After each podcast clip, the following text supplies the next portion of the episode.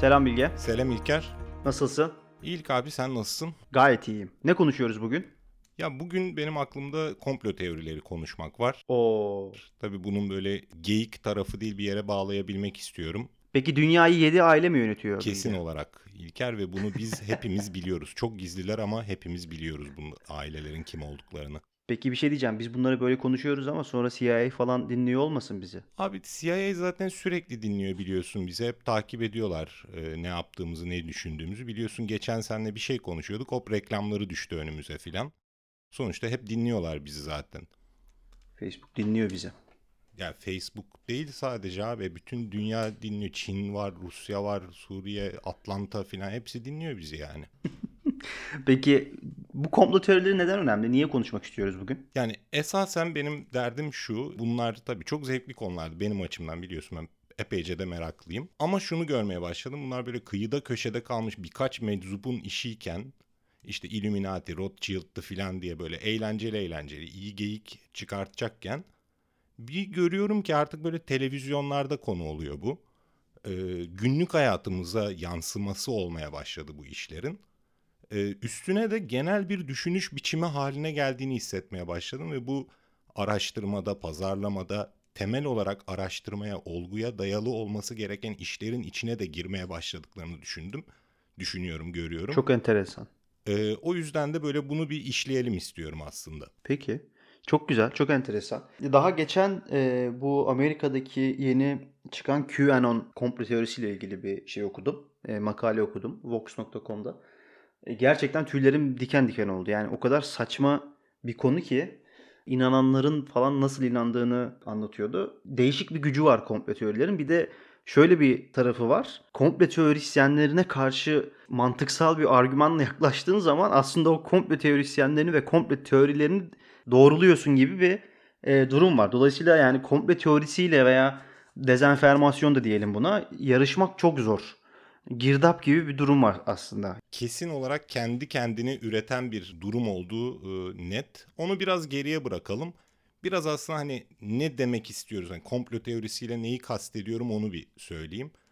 Yani temel olarak dediğim gibi bu böyle ben hani kendimi bildim bileli işte e, cuma akşamları, cumartesi akşamları arkadaşlarla buluştum mu yani muhabbetin bir yeri buna bağlanır abi. Yani oğlum dünyayı yedi aile yönetiyormuş. işte tapınak şövalyelerine dayanıyormuş her şeyin işi. İşte en sonunda işte Orta Doğu'da kartlar yeniden dağıtılıyor filan deyip işte akıllı akıllı konuştuğunu düşünüp evine dağılıyordun. Ama yani bugün geldiğimiz nokta böyle iş sadece e, birkaç böyle çok uzakta duran ailelerden çıkıp işte dünya düzdür. Aşılar otizme neden olur. İşte uydudan yollanan ışınlarla depremler, tsunamiler çıkar filan diye konuşuluyor.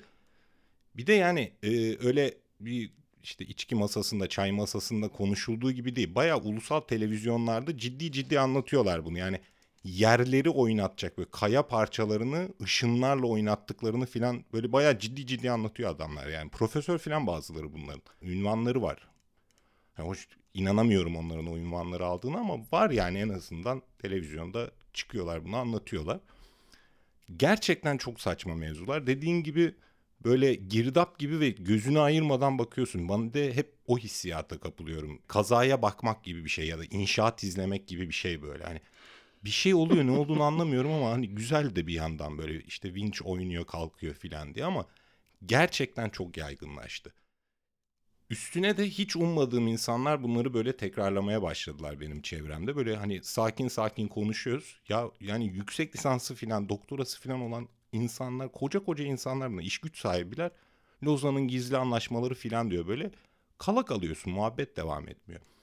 Bir de tabii evet. iş bununla kalmıyor yani. Ee, benim derdim esasen bugün konuşmak istediğim yer bir düşünme biçimiyle düşünmenin sadece olguya dayandığı halde mantıklı olduğunu düşünüyorum. Ee, ve insanların böyle çeyrek bilgilerini bir takım böyle hayaller, vehimler, böyle menkıbelerle bir görüşe çevirdiği ve bu görüşlerini de olgu zannettiğini, gerçek hmm. zannettiklerini görüyorum. Bu pazar araştırması gibi bir alanda dahi etkili olmaya başladı. Çevremizde de rastlıyoruz bunlara. Biraz normal. Niye normal? Ee, öyle bir ya komplo teorisi aslında nereden niye komplo teorileri var ve niye insanlar komplo teorilerine inanıyor gibi bir şeyden çıkarsak yani benim konunun uzmanı olmayarak söylüyorum. Yani şuradan aslında çıkıyor. Bir, insanların bilmediği veya ömür billah bilemeyeceği konular hakkında böyle e, sağdan soldan birkaç böyle ispat gibi görünen şeyleri toplayıp bir araya getirip bir hikaye yazdığınız zaman insanlar da buna karşı ya bunu biliyorum ben bu böyle değil diyemediği için aslında vay evet ya olabilir gibi şeyler çıkabiliyor. Ya bunun en yakın örneği benim için şeydir. Bu geçtiğimiz haftalarda şey çıkmıştı hatırlarsın belki. Bu Amerika'daki bir e-ticaret web sitesinde kayıp çocukların isimleriyle ürünler satılıyor ve işte 20 bin dolar falan gibi fiyatlara satılıyor. Abi harika İşte vay efendim müthiş yani. Yani bu işte vay efendim e, çocuk ticareti bu site, site üzerinden dönüyormuş falan. Sonra bunun daha da çılgını gelip bunun aynısının Trendyol'da falan hani e, Türk halkı bulmaya çalıştı falan. İşte 20 bin liraya dolap mı olur falan filan. E, evet olur çünkü işte sanayi tipi dolap. E, işte yanmaya depreme karşı dayanıklı falan filan. Yani şey ve yani şeyi de bilmiyor insanlar. Böyle bu Trendyol'a veya işte Wayfair'e veya Amazon'a koyulan milyonlarca belki milyarlarca ürün var. Farklı farklı ve bunu Amazon kendisi koymuyor. Third party yani üçüncü e, parti satışçılar da koyabiliyor. Dolayısıyla orada en ufak bir sıfır hatası bile 2000 liralık malı 20 bin lira gösterebiliyor falan filan. Yani aslında mantıkla açıklanabilecek çok fazla yöntemi şey varken, yolu varken insanlar böyle daha galiba magazinsel olan tarafı ve böyle çok rahat hani kan kusabilecekleri böyle eee vay işte alçaklara bak falan diyebilecekleri yolları seçiyorlar sanırım. Ve bunu yapanlar ve bunu yapanlar benim arkadaşlarım falan yani böyle hani kafası çalışan böyle pırıl pırıl insanlar yani. Yanımızdalar ya bu insanlar. Hep beraberiz. Ama şöyle bir şey yapalım mı İlker? Hani komplo teorisi nedir diye bir konuşalım mı? Çünkü çok aslında karışmaya başladı. Dezenformasyon, mizenformasyon, işte post-truth, komplo teorisi yani bunların hepsi aslında şu sıralar aynı kelimeyle ifade ediliyor. Halbuki biraz böyle farkları var. Şuradan başlayalım istersen. İşte bu komplo teorisi dediğimiz şey nedir? Bu bir olayın genellikle de böyle ekonomik, siyasi çıkarı olan insanların bir araya gelip gizli ve güçlü bir grup olacak bunlar. Bunlar organize ediyor Hı. bu olayı. Böyle bir düşünme biçimi. Böyle olaylar olmuyor mu? Oluyor. İşte suç işlemek üzere örgüt kurmak diye o suçtan ayrı bir suç da tanımlanıyor ceza kanununda. Ama tabii ki illa da gerçek olacak diye de bir şey yok. Zaten bunları anlatanlar da buna biraz sığınıyorlar. Yanlışlanamaz öğeler üstünden konuşuyorlar. İşte Wayfair hikayesi gibi. Yani ben gidip de nasıl araştırayım Wayfair böyle bir numara çekiyor mu diye. Yani düşünsene Interpol'ün işte bizim polis e, ünitelerimizin böyle buna böyle suçlara ayrılmış ekipleri var ve onlar araştırıyorlar. Ben kendi başıma nasıl yapabilirim ki? Ama bunu bir masada konuşurken anlat böyle bir şeyler varmış. Bu arada gerçekten uzun yıllar gizli kalmayı başarmış ya da toplumda böyle yüksek sesle konuşulması önlenmiş komplolar da var. Mesela sigara komplosu bunlardan biri. Sen izlemiştin değil mi abi Mad Men'i? İzlemiştim evet. Yani oradan hatırlayacaksın ilk sezon, ikinci sezon hemen hemen buna ayrılı böyle. Nasıl kategoriye getiriyorlar böyle. Sigara Evet. zararlı değil abi. Kendileri tıp dergileri çıkartıyorlar.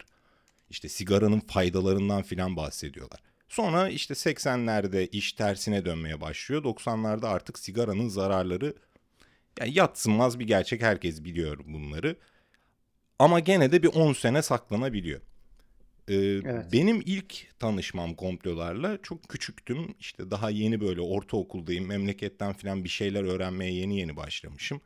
Bütün siyasi haberlerde işte koalisyon ne olacak? Tansu Çiller kim? Erbakan'a neden hoca diyorlar. Bunları böyle öğreniyoruz.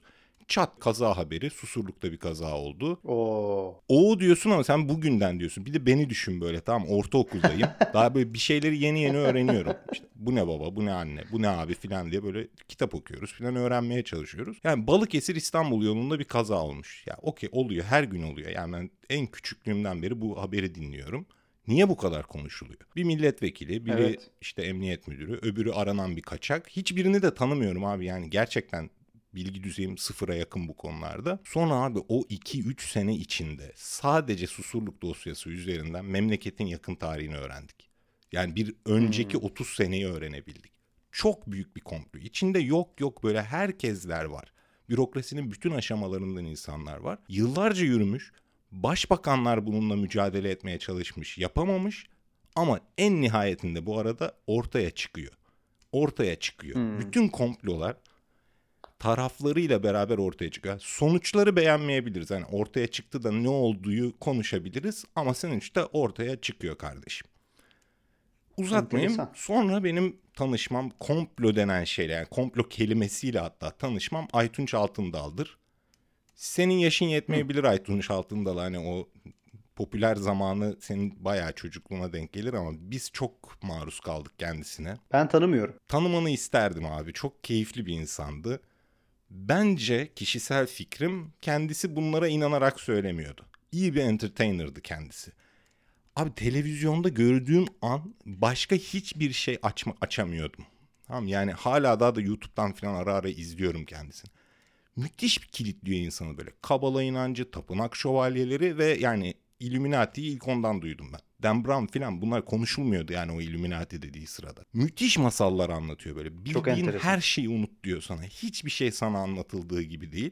İşte dünyayı yedi aile yönetiyor. Rockefeller'lar, Rothschild'lar. İngiltere kralı, rahmetli başkan Kennedy, taçsız kral Pele, Beckenbauer, kaleci Mayer, Nadia Comaneci, Biricik Bardo, Fenerbahçeli Cemil. Abi bunlar geyik. Bunlar geyik. Aytunç'un anlatım gücü müthiş. İyi Fransızca, İngilizce biliyor mesela.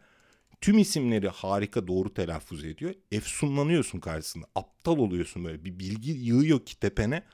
Oradan bir şey Fransa'dan bir kitap buldum. Oradan bilmem ne buldum. Ama tabii daha önemli bir triği var kendisinin. Şimdi bu adamın meşhur olduğu yıllar işte 80'ler, 90'lar, biraz da 2000'lerin başı. Kaynaklar çok az. Adam diyor ki ben gittim Vatikan arş- arşivine, indim 7 kat aşağı, 40 kapılı bir mahzende bir kapı seçtim, aradığım bilgi oradaydı filan diye anlatıyor ve oradan size getirdim diyor. Hal hepsi yalan dolan. Gidiyor Fransa'da, İngiltere'de, Amerika'da kitapları buluyor. Kıyıda köşede kalmış böyle tiplerin kitaplarını. Orada işte Amerika'daki herif e, İsrailliye laf ediyor. Fransız İngiliz'e laf ediyor. Onları Türkiye'ye uyarlıyor. Ve hani seni de itiraz etme durumun yok. Hani kitaplara zaten ulaşılmıyor. Yurt dışına giden yok. Giden de kitapçı mı gezecek? İşte Aytunç oradan puanları topluyor. Ama bak Aytunç'un farkı şu. Hakikaten okuyordu bunları. Ve gösterisini iyi hazırlıyordu. Farklı böyle yerlerde çıktığında görüyordun adam aynı seti yapıyor böyle Cem Yılmaz esprileri gibi. Öyle güzel bir set hazırlıyor ki yani Cem Yılmaz esprilerini de gösteriden çıkınca birini anlatamazsın ya. Aytuncu da birini anlatamıyorsun. Sen anlatırken anca diyebildiğin oğlum dünyayı yedi aile yönetiyormuş oluyor yani. Adam böyle Fransızca lafları işte böyle maji diyor. Magic'ten farklıymış maji. Hiçbir farkı yok yani biri İngilizce biri Fransızca. Ama diyor böyle o büyü demek değil. Daha böyle efsun gibi bir şey. Halbuki büyüyle efsun da aynı. Ama karşısındaki böyle bilgili insanlar bile öyle aptala dönüyor ki cevap veremiyorlar. İşte bu efsun mefsun derken hop CIA binası oradan da Illuminati'ye geçiyor. Bak diyor paranın üstünde bu filan diye böyle gidiyor.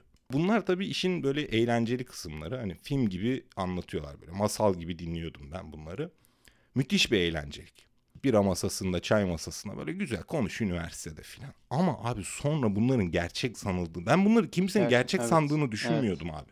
Ben herkes benim gibi dinliyor zannediyorum. Yani Dan Brown kitabı okuyormuş gibi okuyorlar zannediyordum bunları ya da dinliyorlar zannediyordum. Abi sonra yüksek lisansa başladım ben. Bir arkadaş var. Çocuk şey dedi. Yani Türkiye'nin gayri safi milli hasılasının 10 katı filan dedi galiba. Bor var ve yabancılar bunları çıkarttırmıyor dedi. Abi yani bilim insanı olmak üzere yetiştiriliyoruz. O da asistan olmak istiyor filan ve bunu söylüyor ve ben gerçekten şok olmuştum. Yani kahvede duyuyorum, takside duyuyorum ama abi üniversitede derste duymak, bir yüksek lisans dersinde duymak gerçekten beni çarpmıştı. Sonra bu insanların böyle aya gidilmediğini konuştuğunu filan öğrendim. Kanserin çaresi bulundu ama saklanıyormuş. En son artık geçen sene şeyleri duydum. Ben buna inanamıyordum. Bu konuşuluyor diyorlardı bana inanamıyordum. Dünya düz diyorlar ya. NASA saklıyor bu gerçeği filan diyorlar.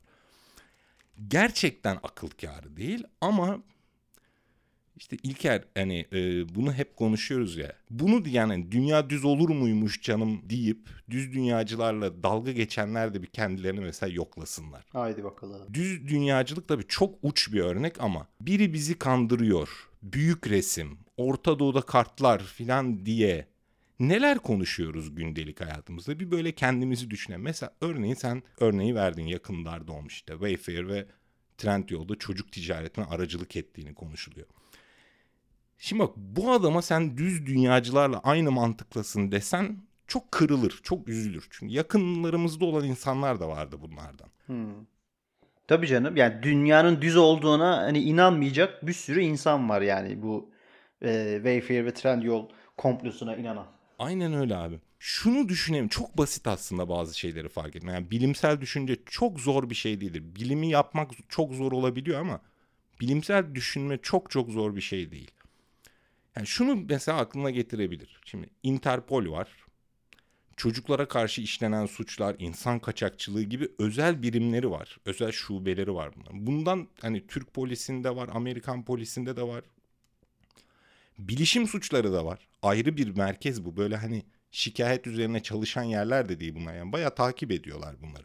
Ama sen böyle tişört alışverişi yaparken bir suç şebekesini çözdüğünü iddia ediyorsun. Hani biraz böyle küçük atsalar biraz inanacaksın. Yani mesela para aklanıyor desen çok makul abi. Olabilecek bir şey. Hani işte 2000 etmeyecek bir şeye 20 Evet, bine satıyor canım. filan. Hani oradan bir şey bulursun. Ama yani çocuk kaçakçılığı ortaya çıkanlardan biliyoruz ki işin içine siyasetçisi giriyor, emniyeti giriyor, mafyası giriyor, askeri giriyor. Uluslararası bir kumpas kuruyor bu adamlar. Yıllar içinde ancak ortaya çıkarılabiliyor. Savaşıyorlar ya adamları tutuklayabilmek için. Askerler baskın filan yapıyor. Ve sen tam John 32 Demon tamam mı? bunları tişört alışverişi yaparken çökerttiğini düşünüyorsun. Hadi sen düşünüyorsun sen bir manyaksın da. Bunu Twitter'dan görüp inanabilenleri ben anlamıyorum. Yani bir bak kimmiş bu adam yani bunu ortaya çıkartan kimmiş ve bu ortaya böyle kolayca çıkartılabilecek bir şey mi diye bir, bir, birazcık sorgula yani. Ki gerçekse mesela şu da var yani trend yolu sildim. Büyük başarı yani gerçek olduğunu düşünüyorsun. Evet. Çocuk sattıklarını düşünüyorsun ve uygulamayı silerek onlara zarar verdiğini mi düşünüyorsun? Yani gidip yıkmamız lazım böyle toplaşıp trend yola yürümemiz, parçalamamız lazım orayı gerçekse. Tabii ki değil. Şimdi bunun altında tabii böyle bir şey var. Hani internet, sosyal medya çok yaygınlaşıyor. Hani çok değil gerçekten. 10-15 sene evvel böyle bu tarz konuları ancak gazeteciler, Aytunç Altındal gibi böyle kıymeti kendinden menkul, kendine böyle araştırmacı diyen tipler böyle konuşuyordu. Ee, ve genel olarak data ve o data ile oluşmuş bilgilere de itibar ediliyordu. Televizyonda bir program yapılacağı zaman o konuyla ilgili bilgi sahibi insanlar geliyordu. Biz her akşam aynı adamları aynı sandalyelerde birbirlerine çemkirirken görmüyorduk. Şimdi bu internet demokratikleştikçe sözüm ona bu tar- çok tartışma götürebilecek bir e, önerme zaten. Evet. Herkes eşitlenince herkesin ağzından çıkanın birbirleriyle eşit olduğu algısını yarattı. Bunun da getirdiği bir şey bilgiyle hayal ürünü ki bu hayal e, ürününe böyle fikir veya görüş diyorlar eşitlendi. Burada tabii çok, konu çok dediğim gibi çok farklı yere kayabilir. Evet. Elitizm, modernite, postmodernite, işte bilgi mutlak mıdır gibi böyle koca bir ahtapot böyle üstümüze gelir burada. O yüzden duruyorum hani çok gidebileceği bir yer var aslında burada.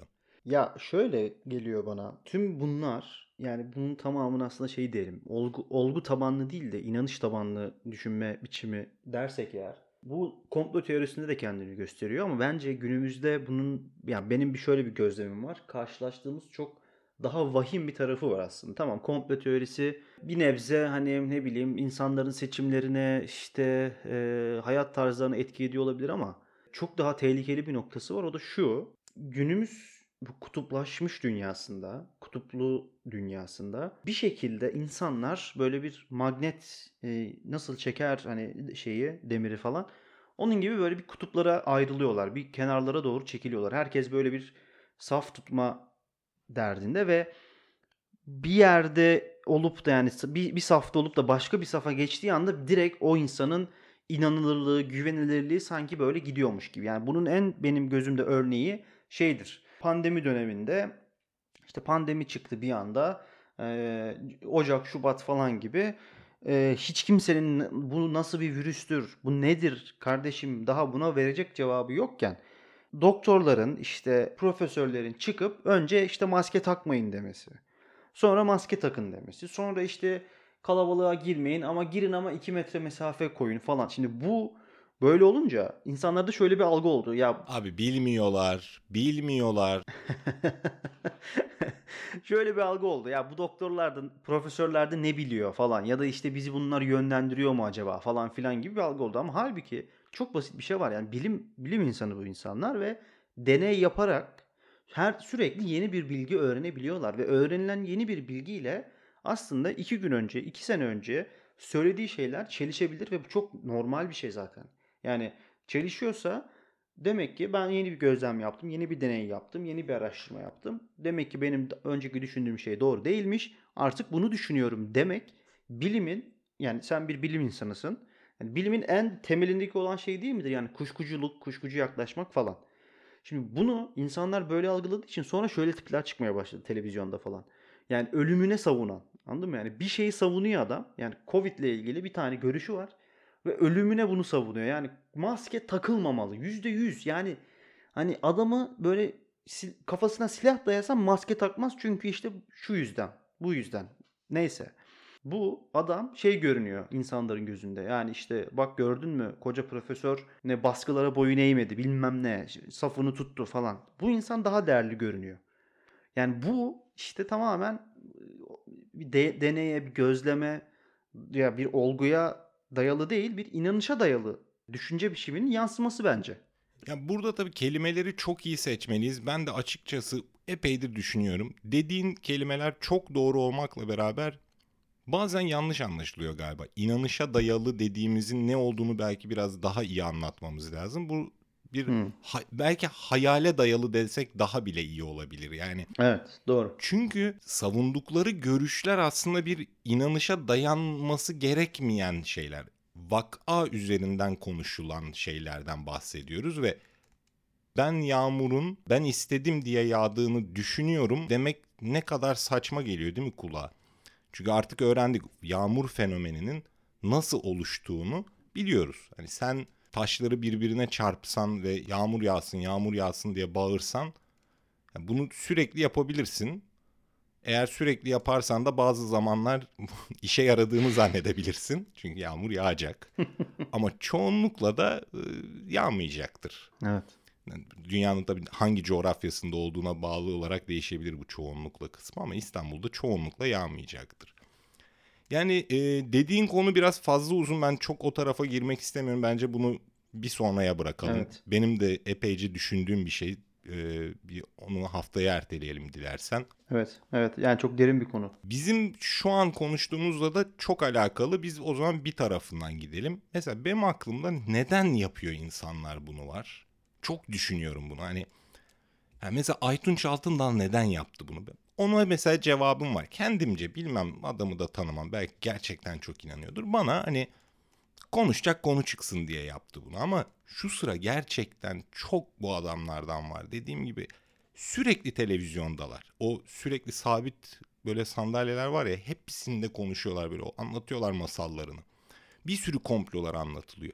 İkinci tarafta düşündüğüm insanlar buna nasıl kapılıyorlar? Yani üniversite mezunu okuyan, işte gazete takip eden, haber takip eden insanlar bunlara nasıl kapılıyorlar? Neden sence? Benim şöyle bir cevabım var yani neden ilgi çektiği konusunda. Abi çok masalsı bunlar.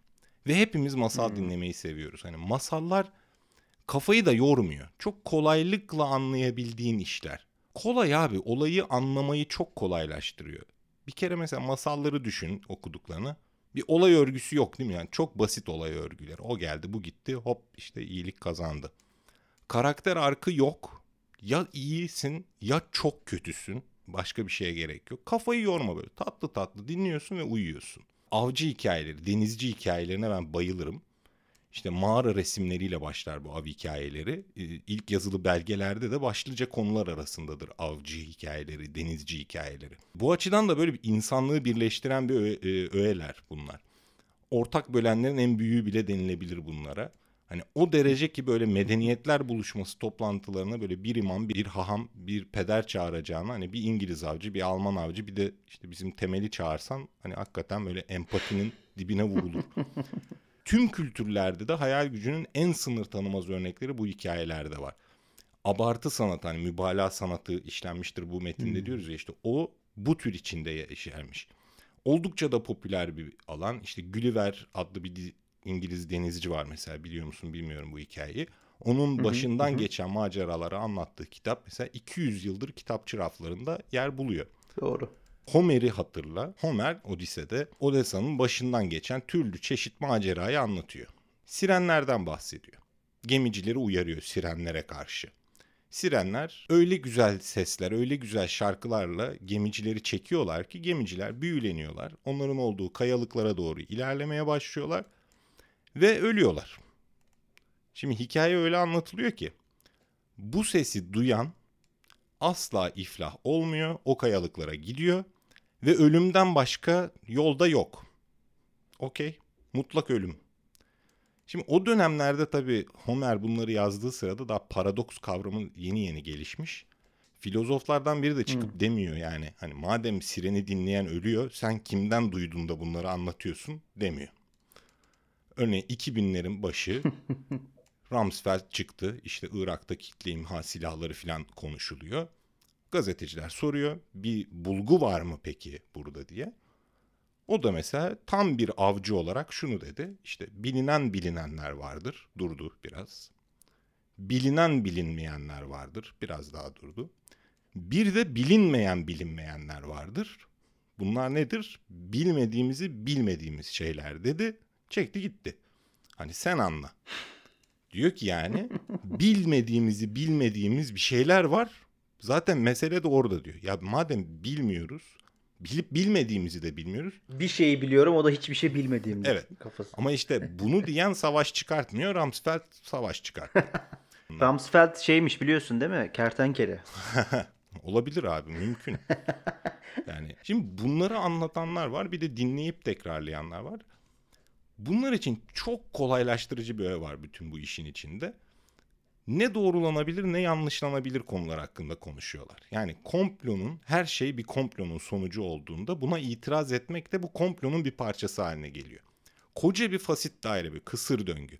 Kendi içinde döne döne dolaşıyor. İlk başta dedin ya sen böyle işte kendi kendini üretiyor. Hani itiraz ediyorsun sen de bunlardansın diyor. Yahut işte hani seni de kandırmışlar diyor.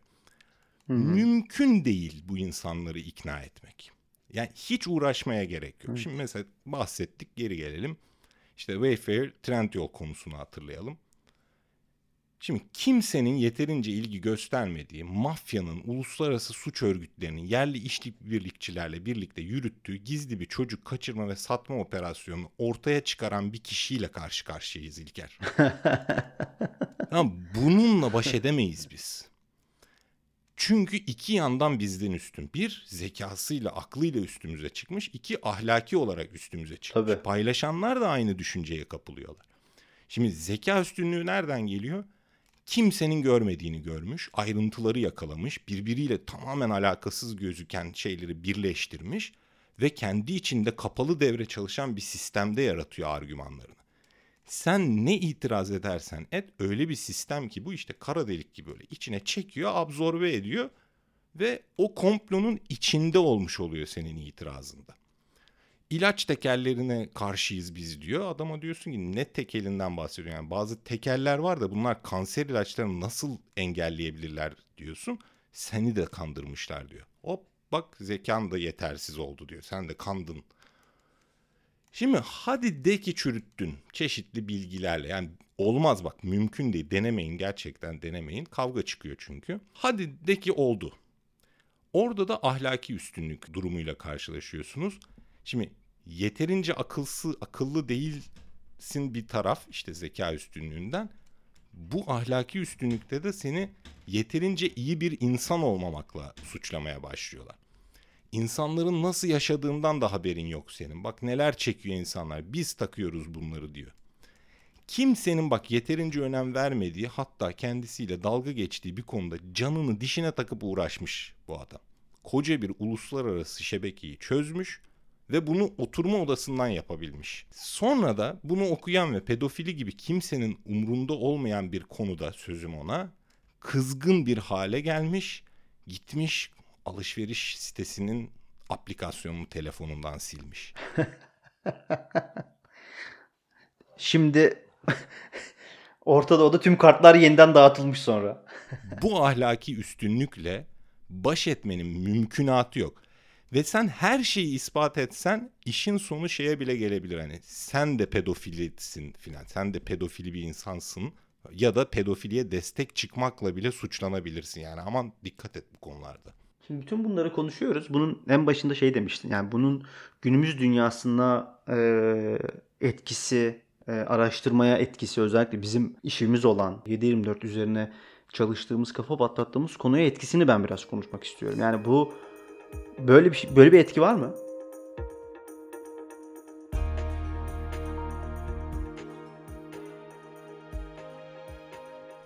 Çok net bir şekilde var. Bu aramızda yani araştırma işiyle uğraşanlarda da görüyorum ben bunu. Bizden iş isteyenlerde de görüyorum. Yani dediğim gibi debinden beri bir şeylerle konuşuyoruz ama yani gerçekten derdim insanları küçük görmek değil. Bence çok da eğlenceli bir komplo teorileri. Bir, birkaç tip var mesela böyle şimdi adlarını buradan söylemeyeyim ama ben bu sıralar bayılıyorum. Hem Türkçe'de hem İngilizce'de. Alex Jones mesela ben bayılıyordum ama şimdi çok sinirlendi artık kafam kaldırmıyor o kadar bağırma çağırmayı. Böyle bağırmadan tatlı tatlı konuşan komplocuları ben çok seviyorum. Yani yani ne bileyim eğlenceli geliyorlar bana. Büyük bir hayal gücü çünkü. Ama temel olarak gerçekten şöyle bir derdimiz var. Bunu okulda da görüyorum ben. Üniversitede ders verirken de görüyorum. Öğrencilerin arasında çok yaygınlaştı bunlar. İkincisi de işte dediğim gibi iş yapmamızı engeller hale geliyor. Ve temel olarak inanışla düşünme, hayalle düşünme, değerlerle düşünme ile olgularla, bilimle düşünme arasındaki bir çatışma bu. Bunu böyle çok büyütüp bir kültür kamp olduğunu söyleyecek halde değilim. Belki de öyledir bilmiyorum ama benim gözlemim o değil. Ama günlük hayatımızda ve iş hayatımızda da sonuçta komplo teorilerinde olduğu gibi bir sürü inanışla oluşmuş fikirlerle karşılaşıyoruz ve bu fikirler o kadar sık tekrarlanıyorlar ki kendi kendini doğrular hale geliyor, kendi kendini ikna eder hale geliyor. Herkes söylüyor abi oluyor ve biz hayalleri bilgi zannetmeye başlıyoruz. Ne gibi mesela? Örneğin sana bir şey söyleyeyim. Bunu en iyi anlayabileceğimiz şeylerden biri. Gün içinde gerek araştırmacılardan gerekse araştırma verenlerden ne kadar fazla bence lafını işittiğini bir düşünsene. Sence olabilecek bir durum yok ki. Evet. Örneğin Türkiye bence dindarlaşıyor. Bu, bu mesela bana çok saçma gelen bir laf. Yani ilk tek başına söylendiğinde değil belki. Evet bu bir hipotez olabilir, olmayabilir.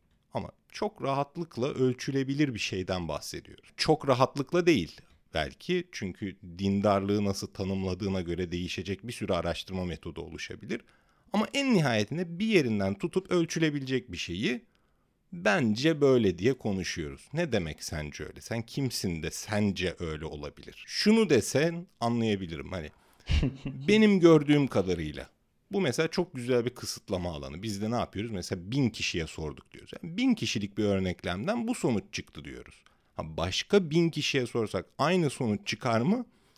Diyoruz ki %96 ihtimalle çıkar. 2-3 puan oynamayla bu aralıkta çıkar diyoruz. Ve çok güzel bir aralık belirliyoruz. Hani benim gözlediğim kadarıyla Türkiye kabalaşıyor. Güzel evet benim ben metrobüse binen bir insan olarak bindiğim saatler içinde böyle bir gözlemim var.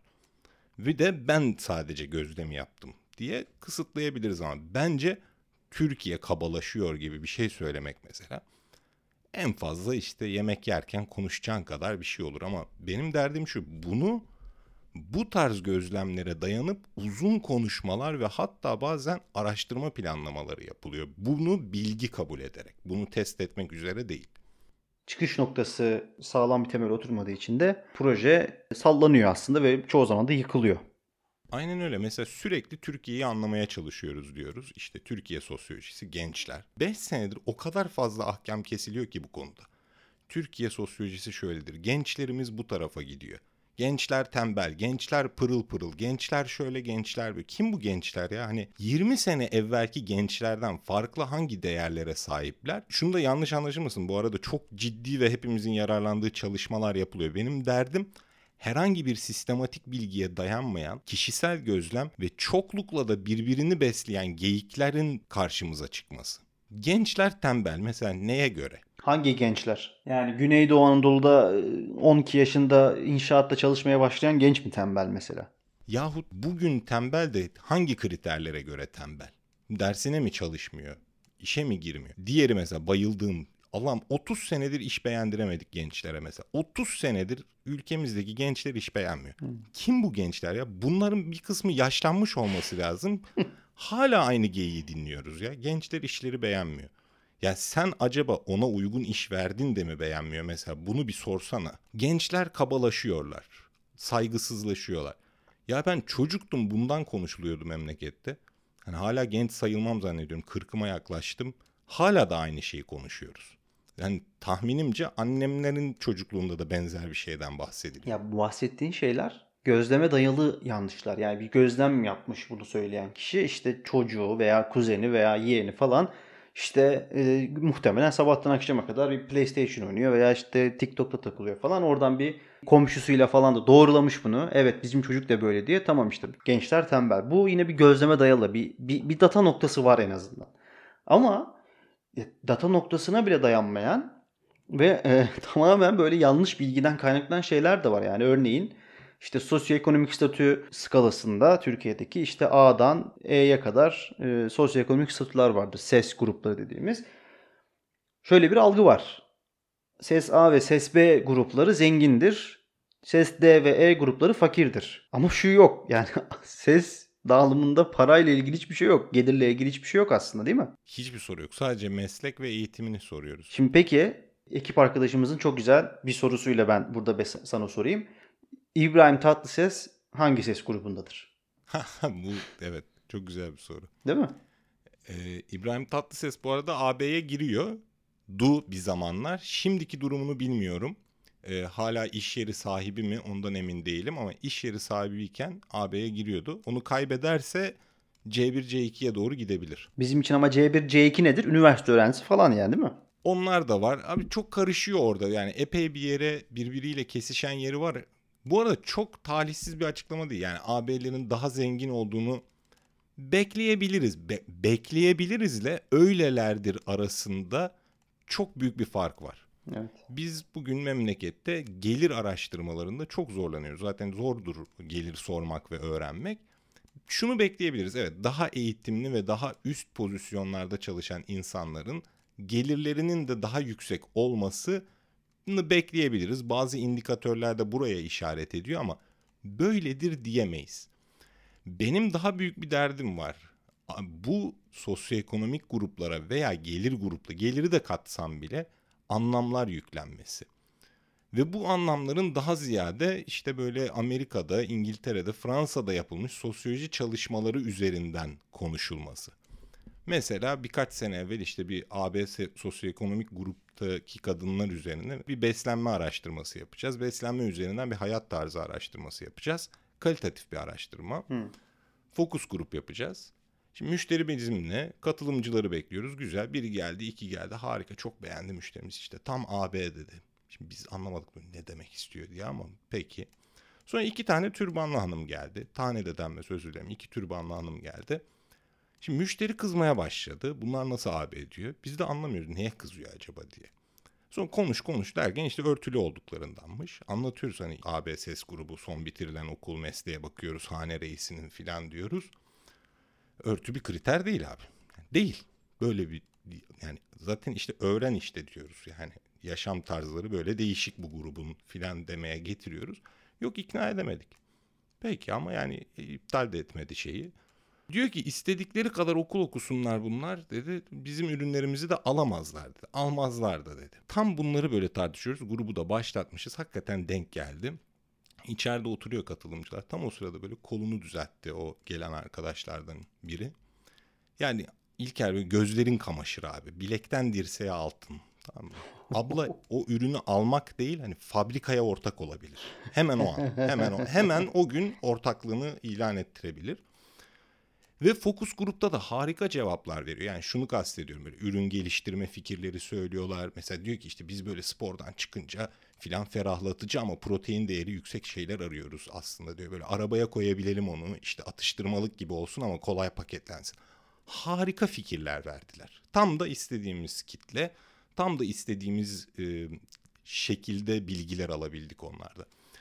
Abi sorun şurada bu, e, bu konularda.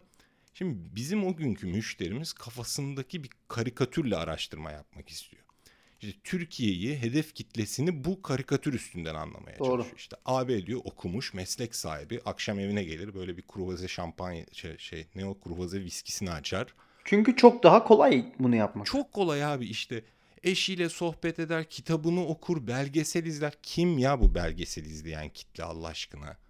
İşte bu kitleyi böyle tanımladığında da işte beyaz eşya reklamlarını görüyorsun işte yani 25 senedir aynı beyaz eşya reklamını izliyoruz biz. Yani biz bizeyiz. Yılların AB'siyim abi üniversite okuduğum için filan. İşte arkadaşlarım da abi. Yani abi filmi açıp çekirdek çitliyoruz ya. Yani hani izliyorum tamam arada belgesel filan da izliyorum ama yani o beyaz eşya reklamındaki adamlara hiç uymuyorum ya. Uyanı da tanımadım daha. Henüz ben tanışamadım ya. Karikatürleri abi gerçek zannediyoruz. İşte bu AB profilin karşısına da debin dedin ya DF e, fakirdir diye. Onun karşı AB profilinin anlattığım profilin karşısına da işte bu çiçek taksideki doğulu tipini koyuyoruz böyle. Hala kurban bana bir bakın hele ne şirinim filan gibi bir hiç daha evvel canlı bir yaratıktan hani sokakta filan duymadığım bir şiveyle konuşan bir tipi bir karikatürü DE zannediyoruz. Bunlar da olgu üzerinden değil algı üstünden araştırma yapmamızı sebep oluyor. Yahut da yapılmış araştırmayı bu algılar üstünden yorumlamaya sebep oluyor. Mesela çekim gücünü hiç kaybetmemesini beklenen bir telefon yani bir kereden e, bile kesilse bir kere bile arıza yapsa çok daha fazla olduğu düşünülür değil mi? Müşteriye gittik bir elektrik dağıtımcısına araştırma yapıyorum. Yorumlar geliyor, yorumları sunuyoruz. İşte elektrikler çok kesiliyor demişler. İşte ayda en az iki kere diye bir ortalama çıkmış. Okey. Gerçek öyle değil. Tamam. Baktırdık gerçekten nasıl oluyor diye. Bakıyorlar ayda bir kez kesiliyormuş ortalama. Ama gün içinde ve habersiz ne zaman geri geleceği de belli olmadan kesiliyor. Yorumlardan böyle çıkarttık bunu da. Haliyle de canı sıkılmış insanların. Sonuçta beğeniye de yansıyor bu. İşte bir genel değerlendirme puanına da yansıyor. Dolayısıyla da kabul etmen gerekir ki Evet. sen müşterinin gözünde ne derece algılandığınla değerlendiriliyorsun. Ama bunu ikna etmemiz çok uzun sürdü mesela. Örneğin sana sorayım abi yani 10 gün birer saat mi elektriğin kesilsin yoksa bir gün boyunca 10 saat mi kesilsin elektriğin? Bir gün boyunca 10 saat kesilsin. Peki abi bu kesintinin ne zaman olacağını bilmeseydin ne cevap verirdin? O zaman 10 gün 10 gün 1 saat derdim. Ve sen bunu zannederdin ki çok sürekli sürekli sürekli oluyor zannetmeye Evet, başladın. hep oluyor sanardın. çünkü. Aynen. Bu algınla gidiyorsun. Bizim de anlamaya çalıştığımız bu fenomen zaten. Bir fenomeni anlamaya çalışıyoruz. Gerçekte öyle değil demenin de bir alemi yok. Abi bunu diyorlar. Karşındakinin algısı bu. Şimdi Deb'in söylediklerimizle tezat oluşturuyormuş gibi oldu ama abi hangi fenomeni araştırdığına göre bakman lazım. Sen araştırmacı pozisyonda asla algınla düşünmezsin, düşünmemelisin ama karşı tarafın algısını ölçtüğün şeylerde de vakanın o algı olduğunu kabul etmen gerekiyor. %100. Çok çok güzel bir ayrım bence bu. Peki konuştuk, konuştuk, konuştuk. Komple teorilerinden girdik. Algılara girdik. e, yanlış bilinen doğrulara girdik. Veya işte algısal düşüncelere girdik falan. Var mı bir mesajın? Kısa keseyim 3 üçüncü programda da aynı şekilde devam etmek istiyorum. Hani araştırmayla kalın demek istiyorum bu sefer de ama hani nasıl araştırmayla kalına da bir iki laf edeyim. Birincisi araştırma yapmak gerçekten çok zor değil. Örneğin herhangi bir konuyu duyduğunuzda artık elimizde gerçekten devasa imkanlar var. Bir telefonla bir sürü bilgiye ulaşabiliyoruz. Bir bakın kontrol edin. Bu birincisi. İkincisi bir sezgisel kontrol yapın. Ama üçüncüsü bir şeyi aslında gerçekten araştırmak için bütün inanışlarınızdan yani ben her şeyi yanlış düşünüyorum fikrinden asla uzaklaşmamanız gerekiyor. Geçen gün hatırlıyorsan bizim toplantıda bir şey söylemiştim. Hani ben cahil olduğumu çok baştan kabul ettim diye. Bu bakış açısıyla gidersek birincisi hiçbir konuda o kadar iddialı konuşmayız. İkincisi de işte böyle yanlış konuşanları da anlamamız biraz daha kolay olur. Çünkü hani kendini cahil kabul edince karşındakinin de ne kadar cahil olduğunu anlayabilir hale geliyorsun. Çok iyi. Peki çok teşekkürler Bilge. Ben teşekkür ederim İlker'cim. Görüşmek üzere öyleyse. Görüşmek üzere. Bay bay. Bye bye.